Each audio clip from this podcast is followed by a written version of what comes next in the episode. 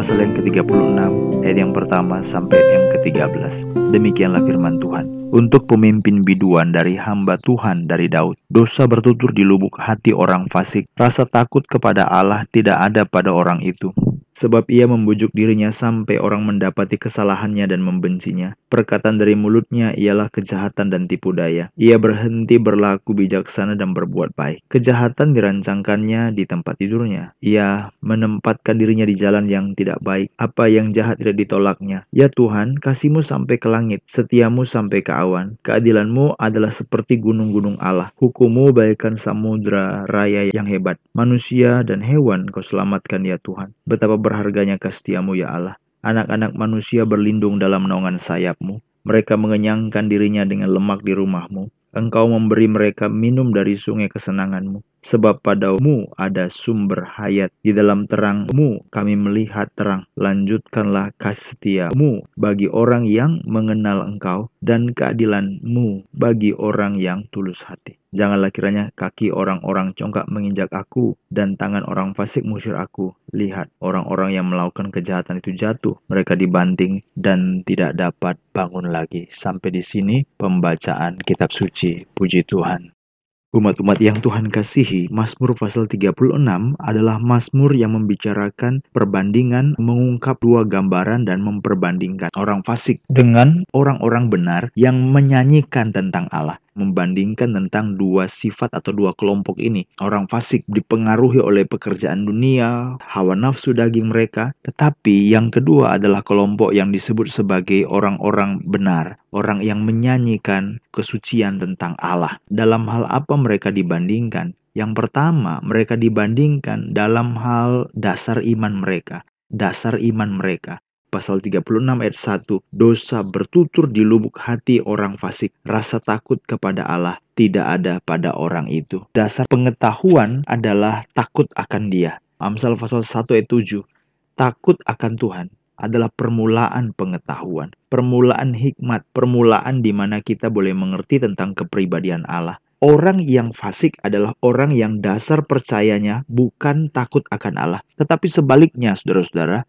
ayat yang ke-6 satu nyanyian yang menggambarkan apa yang dipercayainya. Dasar percayanya apa? Atribut Allah itu sendiri. Atribut Allah, kasih Tuhan sampai ke langit, setia sampai ke awan, keadilan seperti gunung Allah, hukum bagaikan samudra raya. Indah sekali saudara-saudara. Fondasi kepercayaan iman dari orang-orang ini atribut Allah. Sesuatu yang ada dalam diri Allah kalau orang fasik tidak memiliki rasa takut akan Tuhan. Yang kedua, saudara-saudara, pada waktu kita membandingkan dua gambaran ini, kita bukan hanya melihat tentang dasar percayanya apa, tetapi cara-cara mereka perbuatan-perbuatan mereka. Ini bagian yang kedua, ayat 4. Perkataan dari mulutnya ialah kejahatan dan tipu daya. Jadi banyak sekali cara-cara yang muncul dalam bagian ini. Ia berhenti berlaku bijaksana dan berbuat baik. Ayat yang kelima, kejahatan dirancangkannya di tempat tidurnya. Ia menempatkan dirinya di jalan yang tidak baik. Apa yang jahat ditolaknya. Bagian ini mulai membicarakan cara-cara apa, gaya hidup bagaimana yang dilakukan oleh orang fasik. Berbeda dengan apa yang dilakukan orang percaya pada waktu dia menyanyikan, mensyukurkan tentang Allah. Pekerjaannya Allah berbeda sekali. Ayat yang ke-8 sampai ayat yang ke-10. Keadilanmu seperti gunung-gunung Allah. Betapa berharganya kasetiamu ya Allah. Yang dilakukan oleh orang-orang fasik adalah mereka berkata dari mulutnya kejahatan, tipu daya. Berhenti berlaku bijaksana dan berbuat baik tapi sebaliknya, orang percaya menyanyikan tentang perbuatan Allah. Kasih setianya berharga. Anak-anak manusia berlindung dalam naungan sayapnya. Jadi mereka adalah orang-orang yang harus sadar bahwa Tuhan kita telah melakukan segala kebaikan. Kebaikan kepada semua orang. Jadi ini bagian berikut, bagian kedua. Dan yang ketiga adalah tentang bagaimana nanti akhir hidup mereka. Bagaimana akhir hidup mereka. Akhir hidup dari orang fasik berbeda dengan akhir hidup dari orang percaya. Akhir hidup orang fasik dalam Mazmur 36 ayat yang kelima. Nanti disambung dalam ayat yang ke-11. Kejahatan dirancangkannya di tempat tidurnya. Ia menempatkan dirinya di jalan yang tidak baik. Dan apa yang jahat tidak ditolaknya. Ayat 13. Lihat orang-orang yang melakukan kejahatan itu jatuh mereka dibanting dan tidak dapat bangun lagi. Akhir dari perjalanan hidup orang-orang yang fasik, mereka akan jatuh. Tetapi bagaimana dengan orang-orang percaya? Mereka yang diberikan keberhasilan dalam kehidupan. Ini yang dilakukan oleh Allah bagi mereka.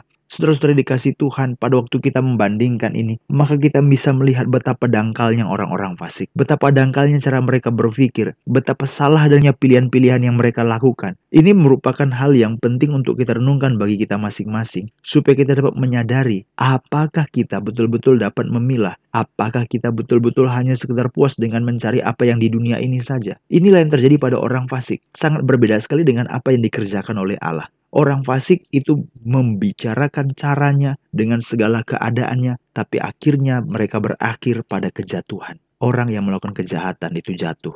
Amsal 36 ayat 13.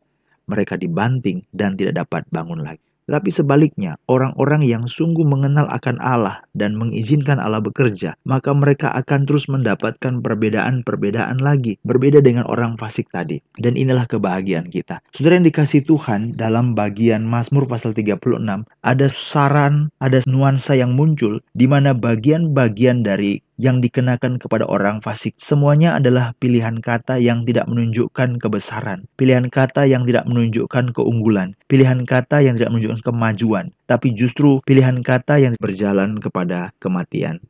Dalam ayat yang ke-2, 3, 4, 5, orang fasik membujuk dirinya sendiri. Perkataan dari mulutnya ialah kejahatan dan tipu daya. Ia berhenti berlaku bijaksana dan berbuat baik kejahatan dirancangannya di tempat tidurnya. Semua pilihan kata ini tidak ada suatu berita yang berkembang sampai kejahatan dirancangkan di tempat tidurnya. Di dalam ayat 13. Setelah keadaan bicara masalah baring, maka turun lagi ke bawah. Orang-orang melakukan kejahatan itu jatuh. Mereka jatuh. Dan lebih lagi mereka dibanting dan tidak dapat bangun lagi. Kalau orang percaya dia jatuh, dia tidak sampai tergeletak. Tetapi orang-orang ini berbeda sekali. Dia baring, dia jatuh, lalu dia dibanting dan tidak dapat bangun lagi. Saudara boleh merenungkan kalimat-kalimat dari Mazmur 36 penuh dengan kekayaan yang memperbandingkan. Siapa orang fasik, betapa dangkalnya cara mereka berpikir, betapa dangkalnya cara mereka bekerja. Tapi lihat Allah, Allah membicarakan sesuatu yang besar, Allah membicarakan sesuatu yang ajaib. Dan inilah yang dinyanyikan sebagai orang-orang percaya. Alkitab mengatakan dalam ayat 6,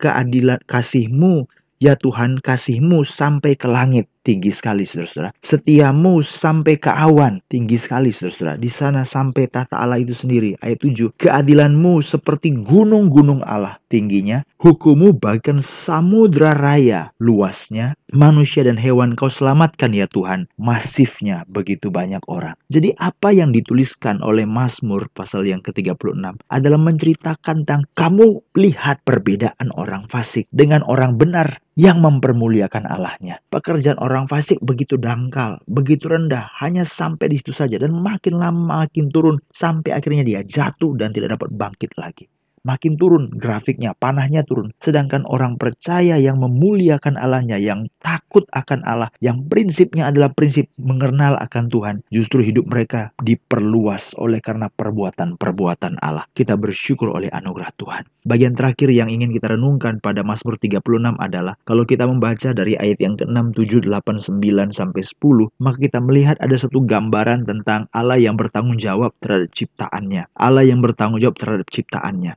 karena memang Tuhan berkuasa atas segala sesuatu. Dia bukan hanya berkuasa atas manusia, dia bukan hanya berkuasa atas satu kelompok orang, tapi dia berkuasa atas semua segala sesuatu dalam semesta. Nah, itulah sebabnya pada waktu kita membicarakan tentang Mazmur 36, kita diundang, kita diajak. Kamu mau ikut jalan orang fasik? Jalan orang fasik adalah jalan yang prinsipnya tidak takut akan Allah jalan hidup mereka adalah cara-cara yang jahat. Kemudian mereka akan berakhir, mereka berakhir dengan kehancuran kejatuhan. Dan waktu semua dibicarakan, mereka berada pada keadaan yang makin dalam, makin dalam, makin dalam, makin dangkal, makin dalam. Tapi berbeda dengan orang-orang percaya. Orang percaya adalah orang yang memiliki suatu kebahagiaan karena Tuhan. Mereka menaruh pengharapannya, mereka menaruh takutnya pada atribut Allah dan setelah itu mereka akan terus mendapatkan keindahan-keindahan dalam perjalanan kita. Nah itulah sebabnya diberikan satu ayat dalam Mazmur pasal 30 ayat 11. Lanjutkanlah kasetiamu bagi orang yang mengenal aku. Lanjutkan kasetiamu. Kasetia daripada Allah, kasih setia daripada Allah yang mengayomi seluruh ciptaan